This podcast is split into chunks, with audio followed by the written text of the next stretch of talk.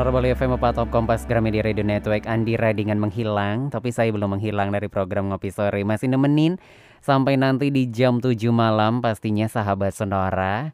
Dan sore hari ini kita sedang live di Instagram At Sonora Bali FM Bagi yang mau nonton silakan. Karena kita masuk di sesi ruang psikologi Dan menarik sekali topik kita di sore hari ini Yaitu rasa tidak aman karena toxic relationship sahabat Sonora yang mau bertanya mungkin sharing tentang topik kita silakan di 0813 9028 9890 bisa juga di Twitter Instagram at Sonora Bali FM atau Facebook Sonora Bali 98,9 FM kalau mau langsung bertanya di live Instagram kita silakan di kolom komentar ya sahabat Sonora di sana juga sudah kami terakan untuk topik kita rasa tidak aman karena toxic relationship.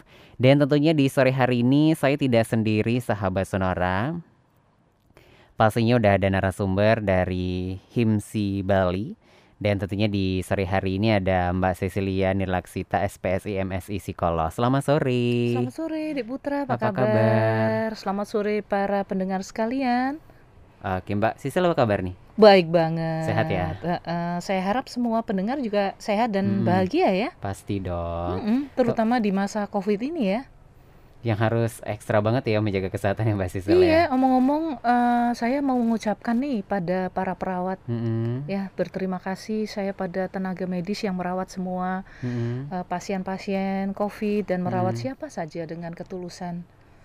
Semoga segala berkah rahayu dilimpahkan untuk mereka. Oke, dan juga sekarang diperingati sebagai Hari uh, Perawat Nasional iya. ya tanggal 17 uh, eh, Maret ini. Nah, iya. topik kita menarik nih Mbak Sisil. Mm -hmm. uh, rasa tidak aman karena toxic relationship iya. gitu ya. Mm -hmm. Sebelum nih kita membahas tentang mm -hmm. sebenarnya apa sih toxic relationship, mungkin beberapa dari kita mm -hmm. merasa apa sih toxic relationship ini seperti itu ya agak mm mungkin agak uh, jarang didengar gitu atau sering banget mendengar atau ngerasa udah ngalamin nih toxic relationship gitu ya. Kenapa sih yeah. kita bisa membahas toxic relationship ini di tengah pandemi? Apakah ada kaitannya nih dengan pandemi uh, mungkin terjadi toxic relationship ini gitu? Iya, dari amatan kami ya, kebetulan uh, kami dari tim mitigasi ya, mitigasi Covid tempo hari itu yang bersama dengan uh, pemerintah jadi sering kali kami melihat situasi bahwa dalam COVID ini kan memberikan sebuah stresor ya, hmm. stres gitu. Nah melihat beberapa relasi itu menjadi sangat toksik gitu ya. Hmm. Nah dengan demikian yang diangkat adalah bagaimana rasa uh, kita itu menjadi tidak aman ketika hmm. ada toxic relationship. Nah itu jadi pilihannya adalah mengangkat itu ternyata di masa-masa yang tidak menentu di masa-masa yang stressful banget gitu ya kecemasan dan kekhawatiran meningkat sehingga hmm. ketika adaptasi kita uh, resilient kita ya adaptasi terhadap situasi itu tidak uh, baik atau sorry uh, self efikasi kita tidak baik uh, kemampuan beradaptasi maka bisa jadi kita menjadi racun hmm. untuk diri kita sendiri atau racun untuk orang lain begitu. Hmm, Oke okay. dan tentunya uh, ini menjadi sebuah alasan kenapa kita mm-hmm. membahas ini mm-hmm. karena penting sekali uh, tentang toxic relationship ini. Tapi mm-hmm. sebenarnya mungkin kita bisa uh, sederhanakan ataupun jabarkan mm-hmm. gitu. Yeah. Toxic relationship ini mm-hmm. sebenarnya apa sih Mbak Sisil? Iya, sebuah hubungan. Jadi relasi ya, jelas ya toxic toxic itu racun. Hmm. Relationship itu adalah hubungan ya. Jadi hubungan ini karakteristiknya adalah menuju perilaku yang relasinya itu antar individu itu uh, di dua pihak itu tidak saling mendukung secara emosional. Secara emosional. Secara emosional. Hmm. Terus ada pihak yang mengalami konflik. Hmm. Kemudian seseorang merasa mendominasi orang lain, hmm. memiliki orang lain, mem membuat uh, hubungan yang uh, kompetitif terhadap orang lain. Artinya hubungan emosional dan hubungan fisik itu juga bisa menjadi racun bagi pasangan lainnya. Hmm. Hmm. Jadi bisa bagaimana kalau hubungan ini tidak tidak seimbang ya tidak saling memahami maka hubungan ini menjadi racun hmm. seseorang pihak satu terhadap pihak dua atau pihak satu memang sudah sudah mengandung uh, muatan-muatan karakteristik uh, cenderung menjadi jenis uh, pasangan yang memiliki eh, racun, Hmm. kemudian pasangan lain juga sama gitu, atau salah satu Hmm. eh, racun. Tapi yang kita lihat adalah sebuah relasi ini. Nah, relasi relasi yang toksik ini tidak hanya dialami oleh relasi dua orang. Hmm. Artinya dua orang ini eh, pasangan Sepasang, romantik eh. ya. Tapi bisa dialami oleh orang tua ya dengan anaknya. Oh, itu bisa terjadi Anaknya- toksik juga. Iya, karena kita punya punya relasi. Kan Hmm. hubungan manipulasi, hubungan dominasi, hubungan itu ada juga di antara anak dan orang Hmm. tua gitu ya. Hmm. Nah, juga hubungan antara bawahan dengan atasan Hmm. atau rekan kerja dengan rekan kerja yang lain Hmm. atau hubungan profesional satu dengan profesional yang lain. Hmm. Jadi toxic relationship sebetulnya sangat general, tapi nggak tahu ini De Putra ini ingin kita membahasnya lebih mendalam ke mana ini? Hmm, Ke Oke, mungkin yang gimana? kalau kita ngomongin toxic relationship, relationship tadi Mm-mm. memang eh, banyak sekali gitu ya. Iya. Kalau kita bahas semuanya mungkin tidak akan cukup waktunya gitu ya. Kita Betul. mungkin akan persempit Mm-mm. yang eh, mungkin paling sering dialami Mm-mm. atau banyak paling seru, dialami. paling Ah, seru. Ini toxic relationship mungkin sama pasangan atau Oh, sama oke. Teman-teman ini kan sering kita Mm. ketemu ya Mbak Mm. Sisil karena itu juga Mhm. mempengaruhi kehidupan kita. Mungkin kita akan Iya. eh, spesifik ke sana kali ya bahasan Oh, kita that's good. Ya, ya, ya. Oke, berarti kan eh, tadi eh, bahwa toksik inilah sebuah racun seperti itu Iya. dalam sebuah hubungan. Relasi yang beracun ya. Ini seperti apa sih sebenarnya eh, relasi yang beracun ini kan ngeri juga ya kita dengarnya iya, ya. Iya. Iya, artinya ada hubungan dengan pasangan itu merupakan racun secara emosional yang saya sebutkan tadi ya. Hmm. Terus tidak jarang melakukan ab- eh, abusive, jadi kayak kekasaran ya. Oh, Abusive itu bisa berupa kata-kata loh ya. Bisa berupa perilaku ya. Jangan dikira bahwa kita diam saja itu tidak abusive loh ya. Diam itu cukup abusive karena misalnya. ya kalau misalnya orang sedang bertanya sesuatu, Hmm. dia cuek, diam. Oh, nggak menghiraukan ya. nggak menghiraukan. Kemudian orang marah, dia diam. Orang sedih, dia diam. Itu sangat abusive secara mental. Coba ya, kita mikir, ah kan saya diam, saya nggak mikir apa-apa, kan saya damai, enggak lah ya, gitu. Karena kan banyak orang bilang lebih baik saya diam, gitu iya, kan? iya. Bahkan yang mengerikan tuh abusive secara fisik. Jadi kalau dia tidak bisa melakukan dominasi atau manipulasi, itu sering kali kemudian memaksakan kehendak dengan cara memak- eh, memaksa orang dengan menyakiti Hmm. kalau tidak sesuai dengan kehendaknya gitu. Nah, gejala yang seperti inilah yang nantinya membuat kita eh, atau manusia yang mengalami atau pasangan tuh merasa nggak nyaman, Hmm. eh, nggak rasa nggak aman lah ya. Hmm. Eh, di situlah kita melihat ada gejala bahwa di dalam racun hubungan racun ini ada egois gitu ya. Hmm. Kemudian ada dominasi, ada pihak satu mengendalikan pihak yang lainnya gitu. Jadi artinya ada usaha mengkontrol di dalam eh, hubungan yang beracun ini. Hmm, oke. Jadi eh, tidak imbang lah ya satu Tidak sama imbang, Nah, tidak imbang. Jadi yang satu nggak peduli bahwa yang lain itu mempunyai hak yang sama dengan dia, Hmm. seperti itu. Oke, nah tentunya tadi kan sempat juga disinggung eh, salah satunya merasa tidak aman dengan terjadinya toxic relationship Iya, ini. iya. Tapi ngomongin nih selain tidak aman, Mm-mm. dampak yang ditimbulkan baik itu eh, kehadap apakah berdampak terhadap pasangan kita saja atau Mm-mm. teman kita saja Mm-mm. atau juga toxic ini juga berpengaruh terhadap diri kita sendiri gitu. Oh jelas ya, kalau seseorang pelaku toksik ya, Hmm, pelaku nih. Nah, eh, ya. Kan eh, kalau dalam pasangan tuh bisa jadi tadi disebutkan dua-duanya toksik gitu ya. bahaya atau- banget tuh ya. Heeh. Jadi pa- eh, sebuah relasi toksik itu karena dua-duanya toksik gitu ya. Heeh. Tapi ada juga yang satu toksik, satunya tetap positif tuh ada juga gitu ya. Oh. Nah, tadi pertanyaannya kalau pertanyaannya dampaknya ya. Ah, dampaknya. dampak baik itu di segi pasangan ataupun Mm-mm. dari pertemanan Ya sekarang itu. kalau misalnya ada unsur egois ya eh, seorang pasangan itu keikatannya kan harus sama gitu ya. Haknya harus sama.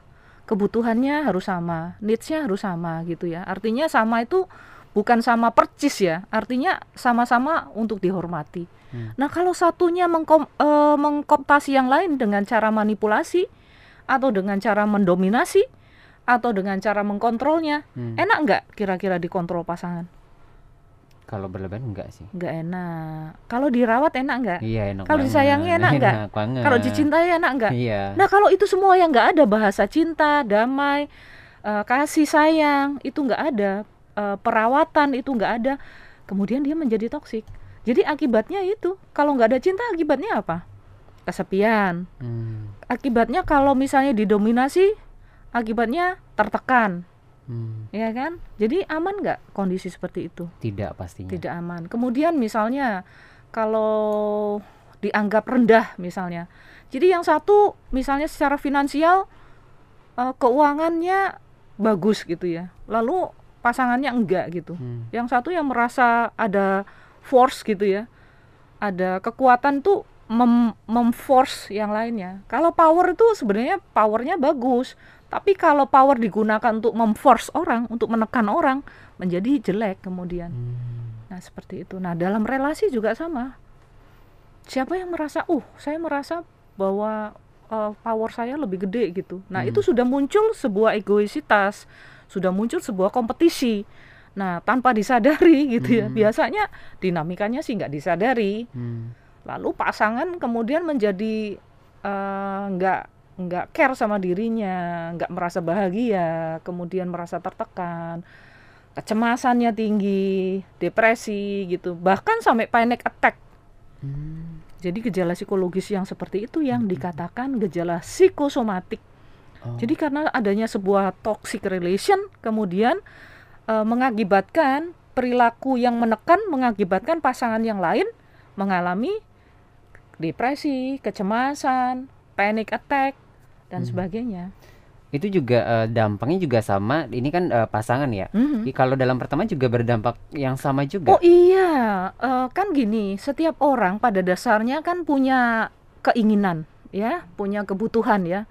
Kebutuhan pertama setiap orang kira-kira ingin dicintai apa enggak? Iya, Ingin dihargai apa enggak? iya, Ingin diberi kejujuran apa enggak? iya. Nah, kalau orang yang toksik itu suka bohong, Oh, salah satu cirinya suka bohong. enggak terbuka. Gitu. Kalau dalam pertemanan kemudian begitu, enak enggak sih? Enggak banget sih. Heeh, fair enggak sih gitu ya? Hmm. Nah, jadi kalau kalau kita sampai ada bohong, ada nggak jujur, itu berarti nggak ada penghormatan, nggak ada respect pada pasangan atau pada rekan sekerja atau pada bos misalnya Hmm. dan sebagainya. Hmm. Jadi sebenarnya makanya tadi dikatakan bahwa toksik ini sangat general ke mana pun gitu. Hmm. Ya. Oke, jadi dampak ini memang sangat boleh dikatakan sangat besar ya terhadap sangat besar secara psikologis ya, Hmm. terutama mental. Hmm. Apalagi nggak mungkin lah kalau pimpinan terus gebuk eh, bawahannya atau rekan sekerja itu mungkin sorry itu keterlaluan gitu ya. Mhm. Tapi kalau pasangan yang pasangan yang hubungan intimnya ada gitu ya, pacaran itu juga ada toksik juga. Hmm. Eh, kalau memang pasangan itu memiliki kecenderungan ciri-ciri itu gitu. Hmm.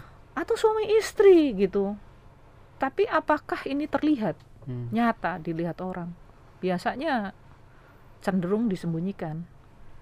Oh, Iya, enak nggak sih ketahuan aibnya? eh, enggak juga. Nah, itu. Iya, berusaha untuk menutupi ya Nah, sebenarnya. iya, tapi inilah sebuah apa ya? Ya, apa yang kita pilih gitu, apa yang dinilai orang itu Hmm. menjadi ukuran lebih penting mungkin dari orang tertentu gitu ya. Hmm, hmm.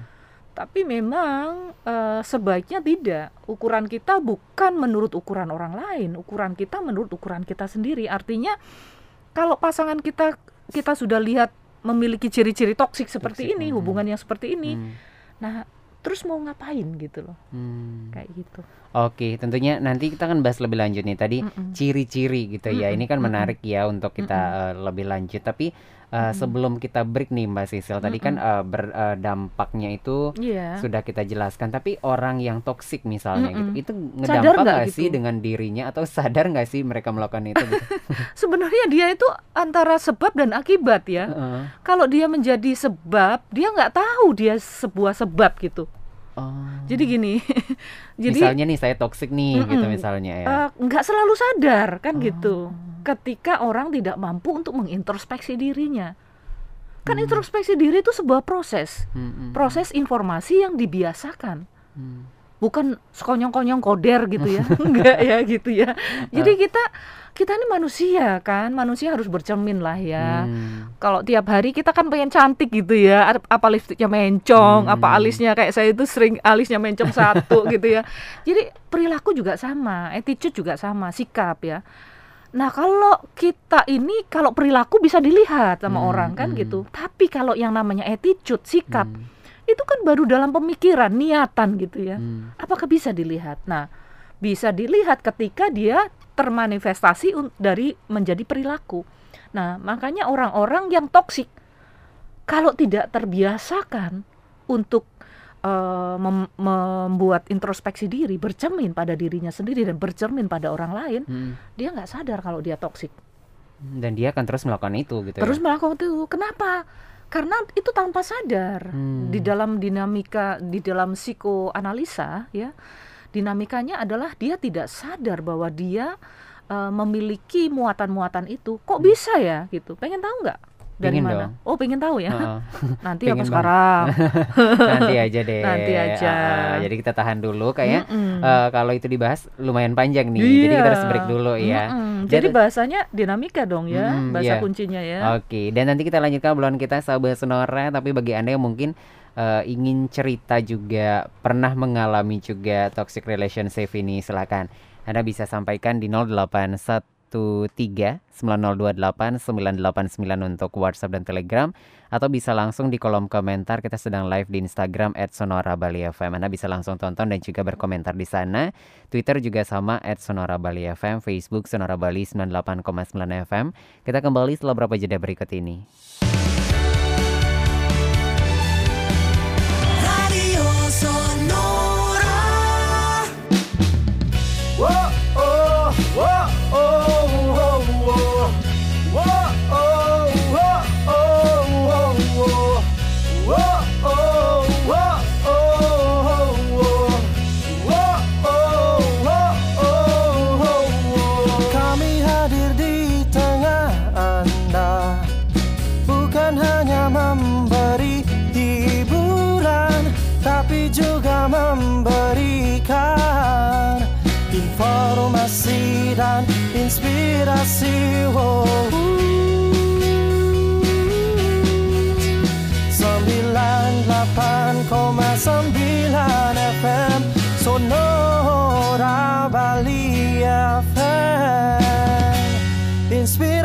Keluarga Bali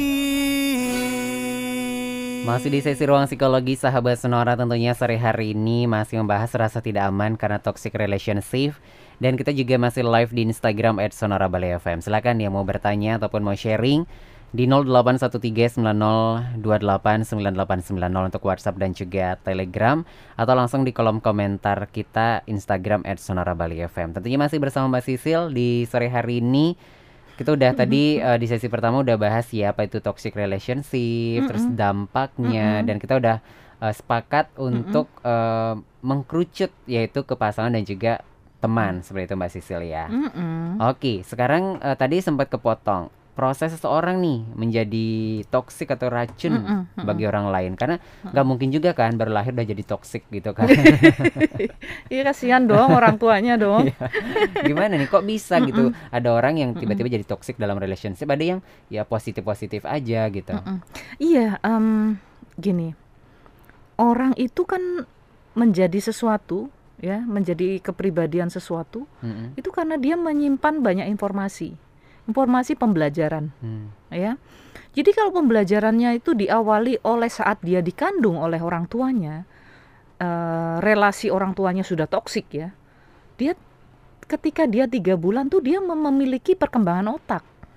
Jadi kemampuan si bayi itu sudah me- menyerap sebuah hal yang toksik.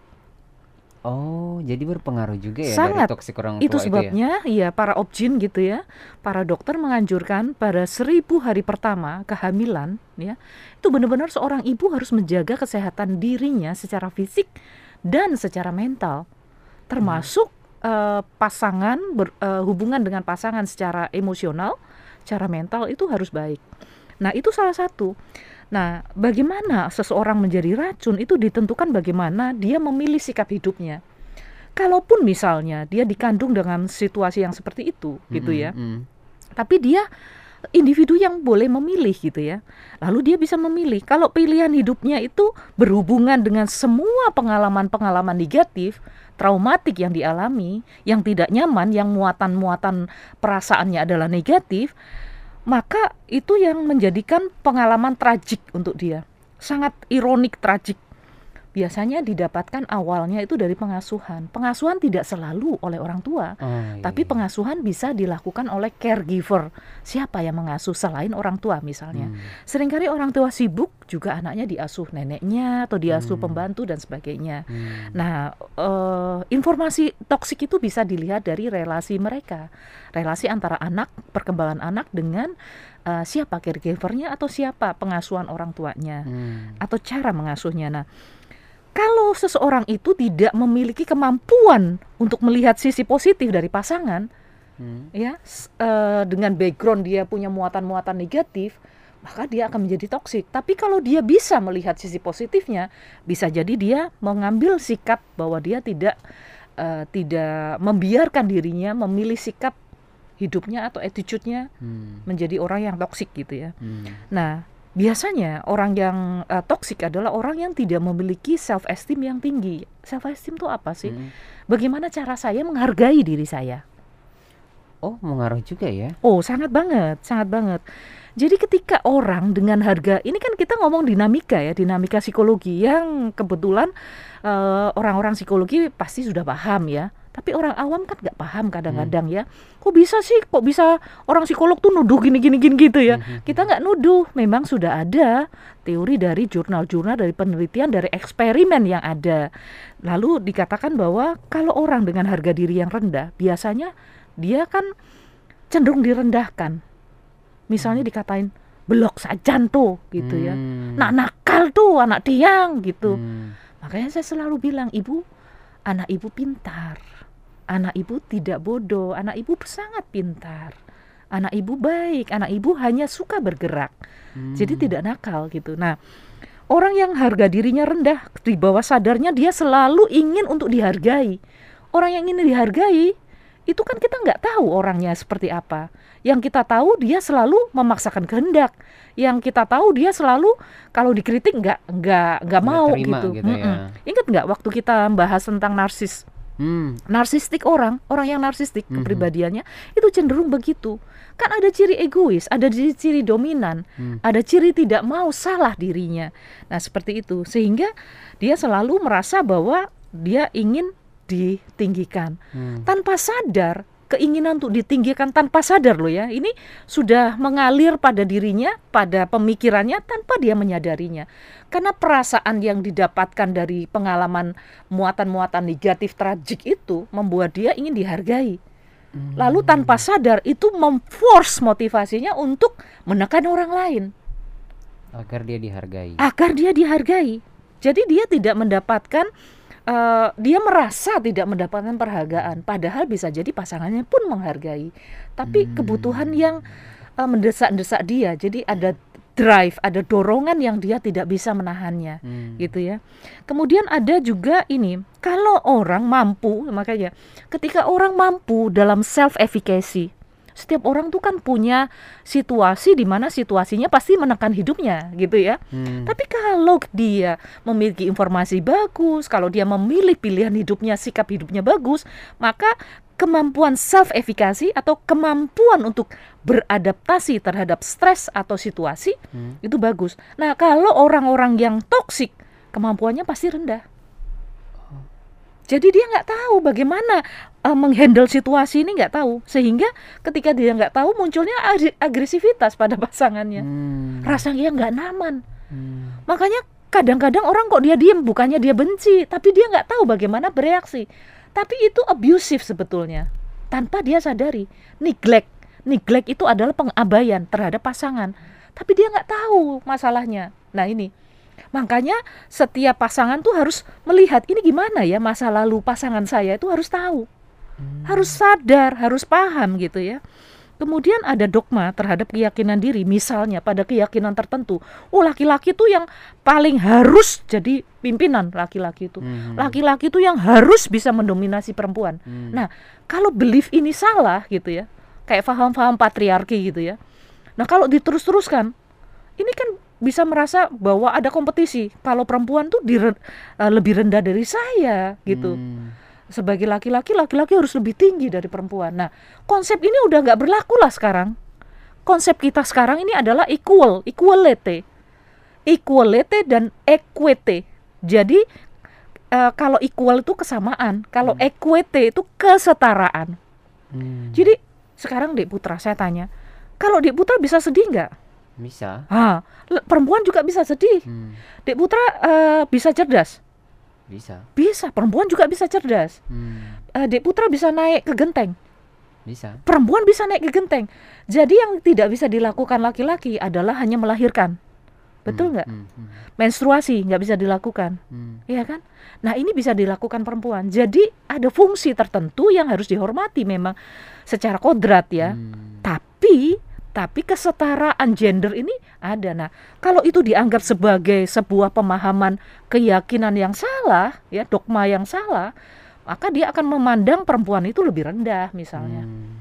Tapi enggak, jangan salah ya. Ada juga perempuan yang bisa merendahkan atau menjadi racun untuk laki-lakinya, Laki-laki, pasangnya gitu ya. Kemudian ada eh, ya itu tadi kepribadian yang borderline atau borderline itu em, ada kepribadian sorry kepribadian yang kekanak-kanakan misalnya ya. Atau kepribadian yang narsistik itu juga memiliki mekanisme eh, pertahanan diri. Jadi kayak ngeles gitu loh. Ngeles atau namanya kalau ngeles itu rasionalisasi gitu ya. Hmm. ah ngeles gitu. Kalau ada yang namanya tuh withdrawal. Withdrawal itu eh, menolak menghindarkan diri. Hmm. Nah, jadi ah daripada aku punya masalah, eh, udahlah aku nggak mau tahu gitu. Kan itu nggak menyelesaikan masalah juga. Jadi orang-orang seperti itu bisa menjadi sumber toksik, gitu ya. Nah, itu sebabnya ketika kita tidak memahami introspeksi diri kita, maka konflik akan terjadi, manipulasi akan terjadi, dominasi akan terjadi, egois akan terjadi. Nah, inilah yang kita lihat kenapa sih kita eh, pun pada rekanan eh, kolega bekerja gitu, itu harus kita pahami gitu. Hmm. Misalnya kita bos, ya kita harus paham backgroundnya dia apa. Kalau perlu ditanyain supaya kita tidak salah menilai orang. Kenapa kalau satu orang ini dimarahin dia baik-baik saja? Kenapa satu orang dimarahin bisa misalnya dia ngambek-ngambek nyalahin orang lain misalnya? Mhm. Itu jadi sebuah eh, introspeksi kita juga gitu. Oke, itu nih sahabat Sonora ya eh, apa proses ya seorang menjadi toxic dalam relationship Iya. ini. Eh, ciri-ciri yang mungkin Mm-mm. sangat terlihat gitu, mudah kita kenali ini udah eh, Ciri relasi ya. eh, toxic nih relationshipnya. Eh, seperti Mm-mm. apa Mbak Sisil? Mm. Bisa nggak kita lihat gitu? Oh ya, eh, yang kita lihat itu adalah sekali lagi eh, sikap itu bisa kita lihat dari perilaku yang termanifestasi ya. Hmm. gitu ya. Perilakunya apa ya? Jadi ada ada pihak yang merasa ditekan terus-menerus satu.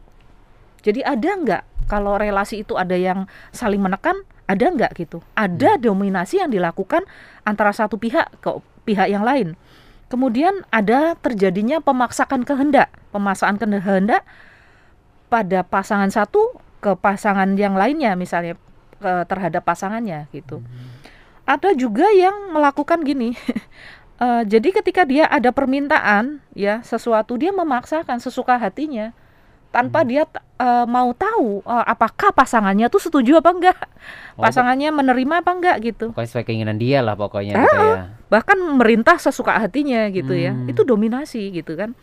Kemudian eh, melakukan blackmail misalnya. Kamu kalau nggak melakukan ini ya, kamu nanti eh, nggak tak cintai loh.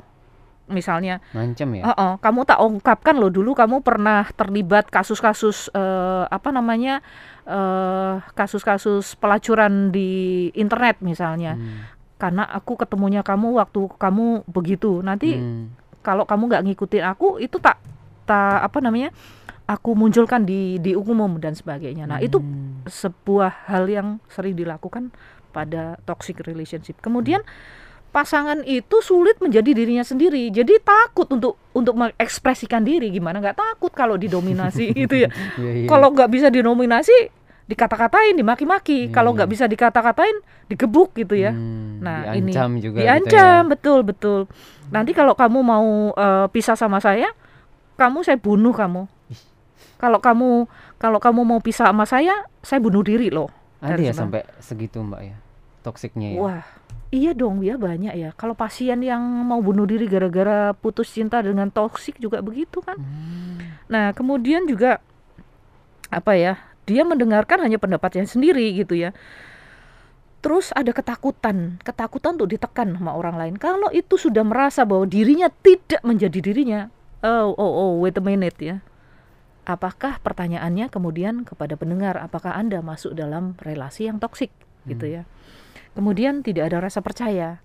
Kalau pasangan itu kan ada keikatan namanya ya, ada kepercayaan, ada kebersamaan gitu ya. Tapi udah nggak ada rasa percaya itu. Jadi yang terjadi itu muncul sebuah eh, perilaku, perilaku yang terungkap, yang termanifestasi itu jadi sebuah eh, jealousy, eh, kecemburuan yang luar biasa. Kecemburuannya itu yang tidak terkendali. Cemburu buta gitu ya. Iya, tanpa alasan yang tepat. Kemudian Hmm. Eh ya itu eh sus- suspek ya, suspicious ya, suspicious mencurigai, membabi buta gitu. Padahal kita nggak tahu ya babi apa buta ya gitu. gitu. Jadi em, sebuah relasi di, dengan pasangan itu nggak seimbang komunikasinya Hmm. gitu ya. Kemudian ada juga eh, tidak ada penghargaan ya, respect ya, penghargaan tuh respect. Hmm. Penghargaan terhadap siapa? Kalau orang berbuat toksik itu sebenarnya dia nggak menghargai dirinya sendiri dong ya. Tapi itu ada ciri itu. Atau atau orang yang eh, ciri-ciri relasi ini ada ketidak penghargaan terhadap eh, apa namanya eh, kredibilitas orang. Jadi kayak Hmm. misalnya keinginannya nggak dihargai, kebutuhannya nggak dirungoin gitu ya. Kemudian eh, pilihan pilihan perilaku atau pilihan keputusan itu nggak ada penghargaan. Lo nggak usah ngomong apa-apa. Yang ngambil keputusan adalah gue. Nah kalau ada ciri seperti itu, be careful, gitu ya. Jadi kemudian ada juga kebohongan. Otomatis kalau nggak ada keterbukaan, nggak ada rasa percaya, Pasti pasti, ada ada kebohongan. kebohongan. Pasti, Hmm. pasti. Nah sering kali ditemukan kebohongan yang menjadi sebuah kebiasaan ya. Kalau pasangannya nanyain dari mana pak, gitu, nggak usah nanya kamu. Dari mana? Nggak usah banyak mulut kamu. Kalau kamu banyak mulut, aku tempeleng kamu nantinya, misalnya. Nah, hal ini jadi muncul kalau pasangan eh, menanyakan kebenaran, dia akan memunculkan reaksi yang sangat reaktif gitu, bahkan emosional. Kemudian bisa melakukan kekerasan eh, Hmm. kata-kata secara mental atau secara physically. Kemudian eh, biasanya ada ada pasang ada orang yang di dalam relasi yang toksik itu dia tidak mampu untuk merawat dirinya sendiri. Jadi self care-nya nggak ada. Kok bisa? Emang enak ya orang didominasi ya? Emang enak ya orang nggak dihargai ya? Terus kira-kira orang itu jadi letoy atau jadi semangat kayak saya gini? Gimana? Jadi letoy lah. Jadi letoy lah gitu ya. Jadi kehilangan minat dia terhadap hidupnya, kehilangan minat terhadap makna hidupnya. Hmm. Kemudian dia kehilangan minat terhadap aktivitas kerjanya dan dia kehilangan minat terhadap hobinya. Hmm. Jadi orangnya jadi apatis dong ya. Hmm. Jadi kayak ah nggak mau tahu gitu. Karena dia Bodo udah merasa gitu ya. bodoh amat. Nah, Hmm. itu ciri-cirinya depresi.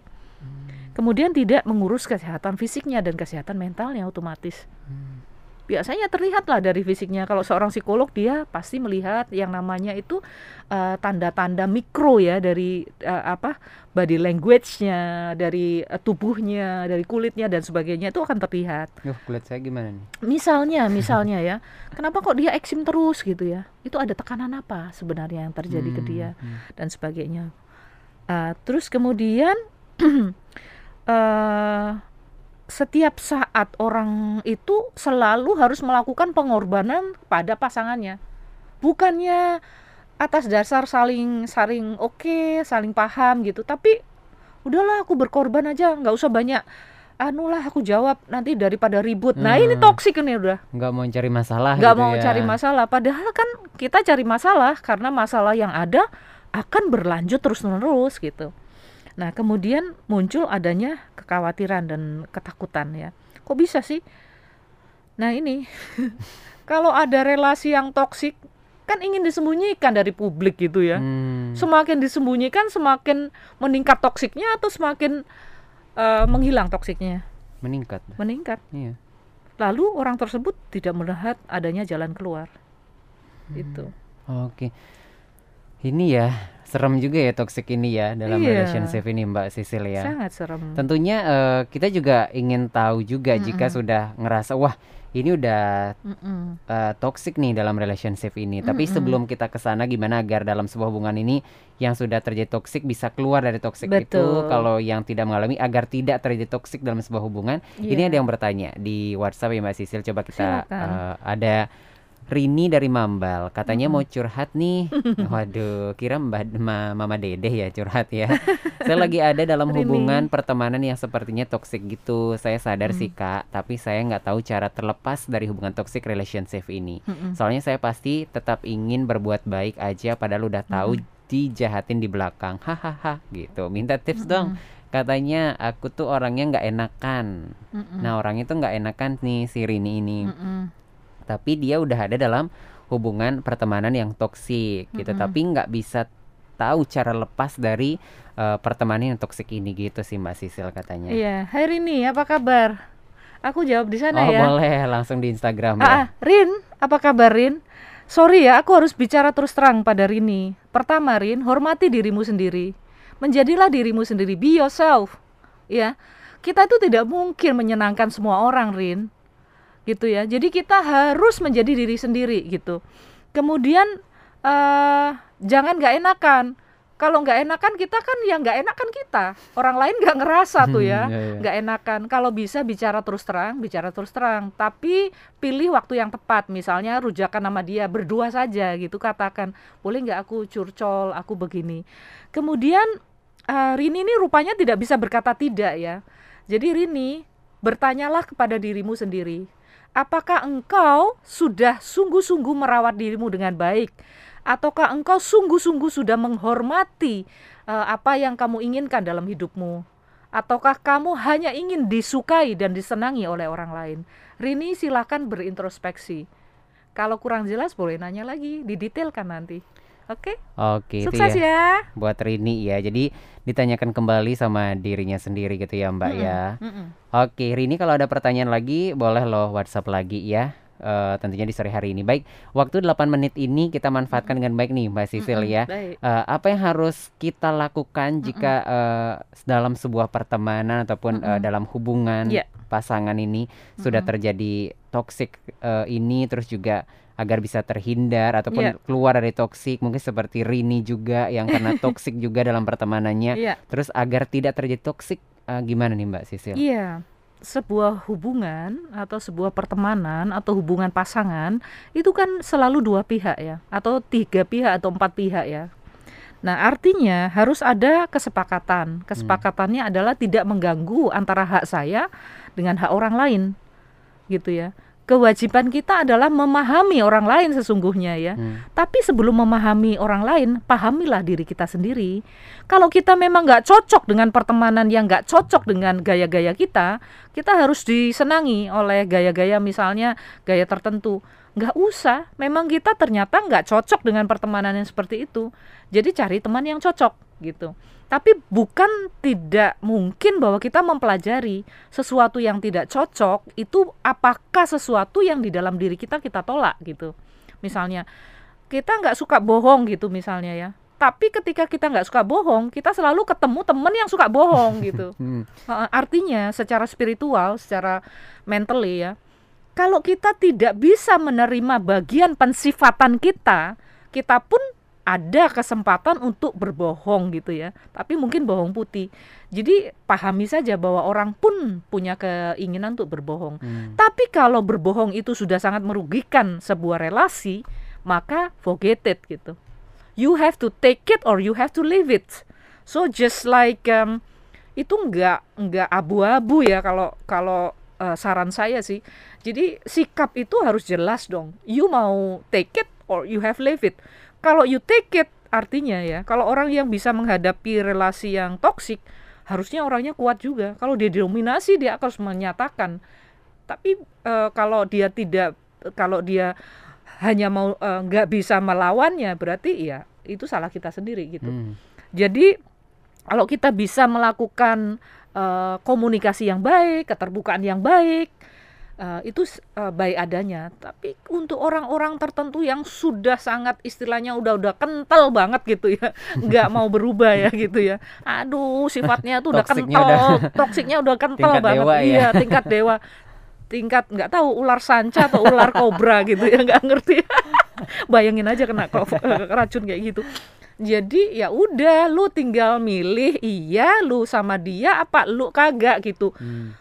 Eh, karena kan setiap orang punya sebuah nilai dalam kehidupannya, memilih sikap hidup yang dia itu ingin sekali bahwa hidupnya itu menuju ke arah kebahagiaan, menuju kepada kedamaian, menuju kepada eh, cinta kasih gitu. Hmm. Kalau itu ada dan itu bisa diproses nggak apa-apa. Hmm. Nah, lalu eh, perlu nggak bantuan? Eh, kalau perlu ya bantuan banyak nih psikolog-psikolog dari HIMSI banyak gitu ya. Jadi di Bali itu bisa di Google tuh ya. Kalau kita Google itu banyak psikolog-psikolog yang berpraktik di Bali dan itu bisa didatangi gitu ya. Macam-macam eh, psikolog yang bisa membantu gitu. Nah, kalau itu namanya psikolognya sebagai konselor atau sebagai psikoterapis atau juga sebagai konselor eh, family gitu atau pertemanan. Nah, silakan didatangi. Tapi kalau misalnya bisa dibicarakan dengan pasangan, that's really great gitu ya. Jadi setiap orang juga punya keinginan untuk berubah sih sebenarnya. Eh, kita harus berpikir positif. Em, yang pertama adalah rawatlah dirimu dengan baik, sadarlah bahwa kehidupan kita ini adalah diciptakan dengan kebahagiaan, diciptakan dengan kedamaian, dan diciptakan dengan cinta kasih. Jadi itu ada nggak ya di dalam sebuah relasi Hmm. gitu. Tapi Anda juga nggak sekali lagi itu kayak jawaban saya ke Rini, jangan maksain deh kalau orang orang memang misalnya eh, dia tidak bisa untuk apa ya kita nggak bisa lah menyenangkan semua orang Hmm. gitu. We have our own self gitu ya. Oh. Be yourself ya. Oke. Not what people thinking about us. Hmm. Oke, jadi eh, mungkin saya bisa garis bawahi di sana eh, bahwa kita ini tidak bisa em, menjadi setiap orang yang orang inginkan gitu Nggak ya. Si bisa, A inginkan nggak kita bisa. B, kita nggak bisa, jadi gitu bonekanya ya. orang lain, Hmm. nggak bisa. Oke, dan kita kalau udah ngerasa nggak kuat, ya lebih baik kita tinggalkan aja pertemanan itu gitu ya. Atau berproses, berproses itu bisa pakai mediator, Hmm. bisa ngobrol, komunikasinya eh, dijalin dengan baik gitu. Hmm, tapi kalau ngerasa udah kayak harus lambaikan tangan ke kamera deh gitu ya. Saya pamit gitu ya. Kayaknya ya dari pertemanan itu. Oke, tentunya yang terakhir nih Mbak Sisil, tiga menit nih. eh, Iya. Apa yang ingin disampaikan buat sahabat sonora mengenai topik kita rasa tidak aman karena Mm-mm. toxic relationship? Karena Mm-mm. saya rasa eh, mungkin banyak ya mengalami Mm-mm. tapi tidak disadari seperti Mm, itu. Baik, sekali lagi eh, jadilah dirimu sendiri. Kemudian lihatlah tujuanmu hidup itu apakah mengarah pada kebahagiaan, apakah mengarah pada kedamaian, apakah mengarah pada cinta kasih. Kalau itu tujuanmu, maka arahkan fokus terus pada tujuan-tujuan hidupmu itu. Jadi kalau yang mengganggu-mengganggu yang lain, bisakah itu diproses? Kalau tidak bisa, ya tinggal dua pilihannya. You have to take it or you have to leave it. Hmm. Oke, pilihan di tangan Anda gitu ya. Pilihan di tangan Anda. Oke, itu sobat sonar menarik sekali topik kita kalau rasa-rasanya bahas toxic the relationship ini memang sangat membutuhkan waktu yang panjang ya Mbak Mm-mm, Sisil asik ya. Karena ini baru kita Mm-mm. bahas tentang pertemanan dan eh, pasangan percintaan, Iya. belum Belum anak sama orang tua ya. orang tua, terus Mm-mm. juga atasan dengan bawahan dan lain Baik. sebagainya. Tapi Mm-mm. mudah-mudahan kesempatan kita bisa ngobrol lagi nih Mbak Sisil Mm-mm. ya. Terima Thank you kasih, Mbak. Sisil sudah Mm-mm. berbagi di sore hari ini. Saya jadi berpikir nih sekarang saya termasuk orang yang toksik atau enggak sih? aku juga loh. Biar aku ngomong gini, aku juga atau aku sudah sukses melawan toksik gitu ya. jadi orang yang berbicara soal toksik bisa jadi orang seperti saya ini melawan toksik gitu ya. Tapi ya eh, sebagai seorang psikolog sebaiknya kita memang harus eh, jujur ya. Jadi katakan aja kalau memang eh, dinamika ini kita alami juga. Saya manusia gitu. Hmm. Saya bukan Superman kan gitu. Psikolog bukan Superman ya. Superman aja manusia gitu. Jadi apa pun eh, apa yang salah kami katakan kami mohon maaf tapi semuanya untuk kebaikan para pendengar dan eh, Sahabat Sonora sahabat ya Sonora. semua ya. Oke, sampai sini dulu ruang psikologi nemenin Anda tapi bagi Anda yang mungkin eh, kelewatan ya topik kita yang sangat menarik ini nanti bisa kembali dengarkan di Spotify cari aja Sonora Bali 98,9 FM dan di IGTV kita at Sonora Bali FM nanti juga ada di YouTube channel Sonora Bali FM. Dan ngopi sore masih lanjutkan sampai nanti di jam 7 malam. Bye.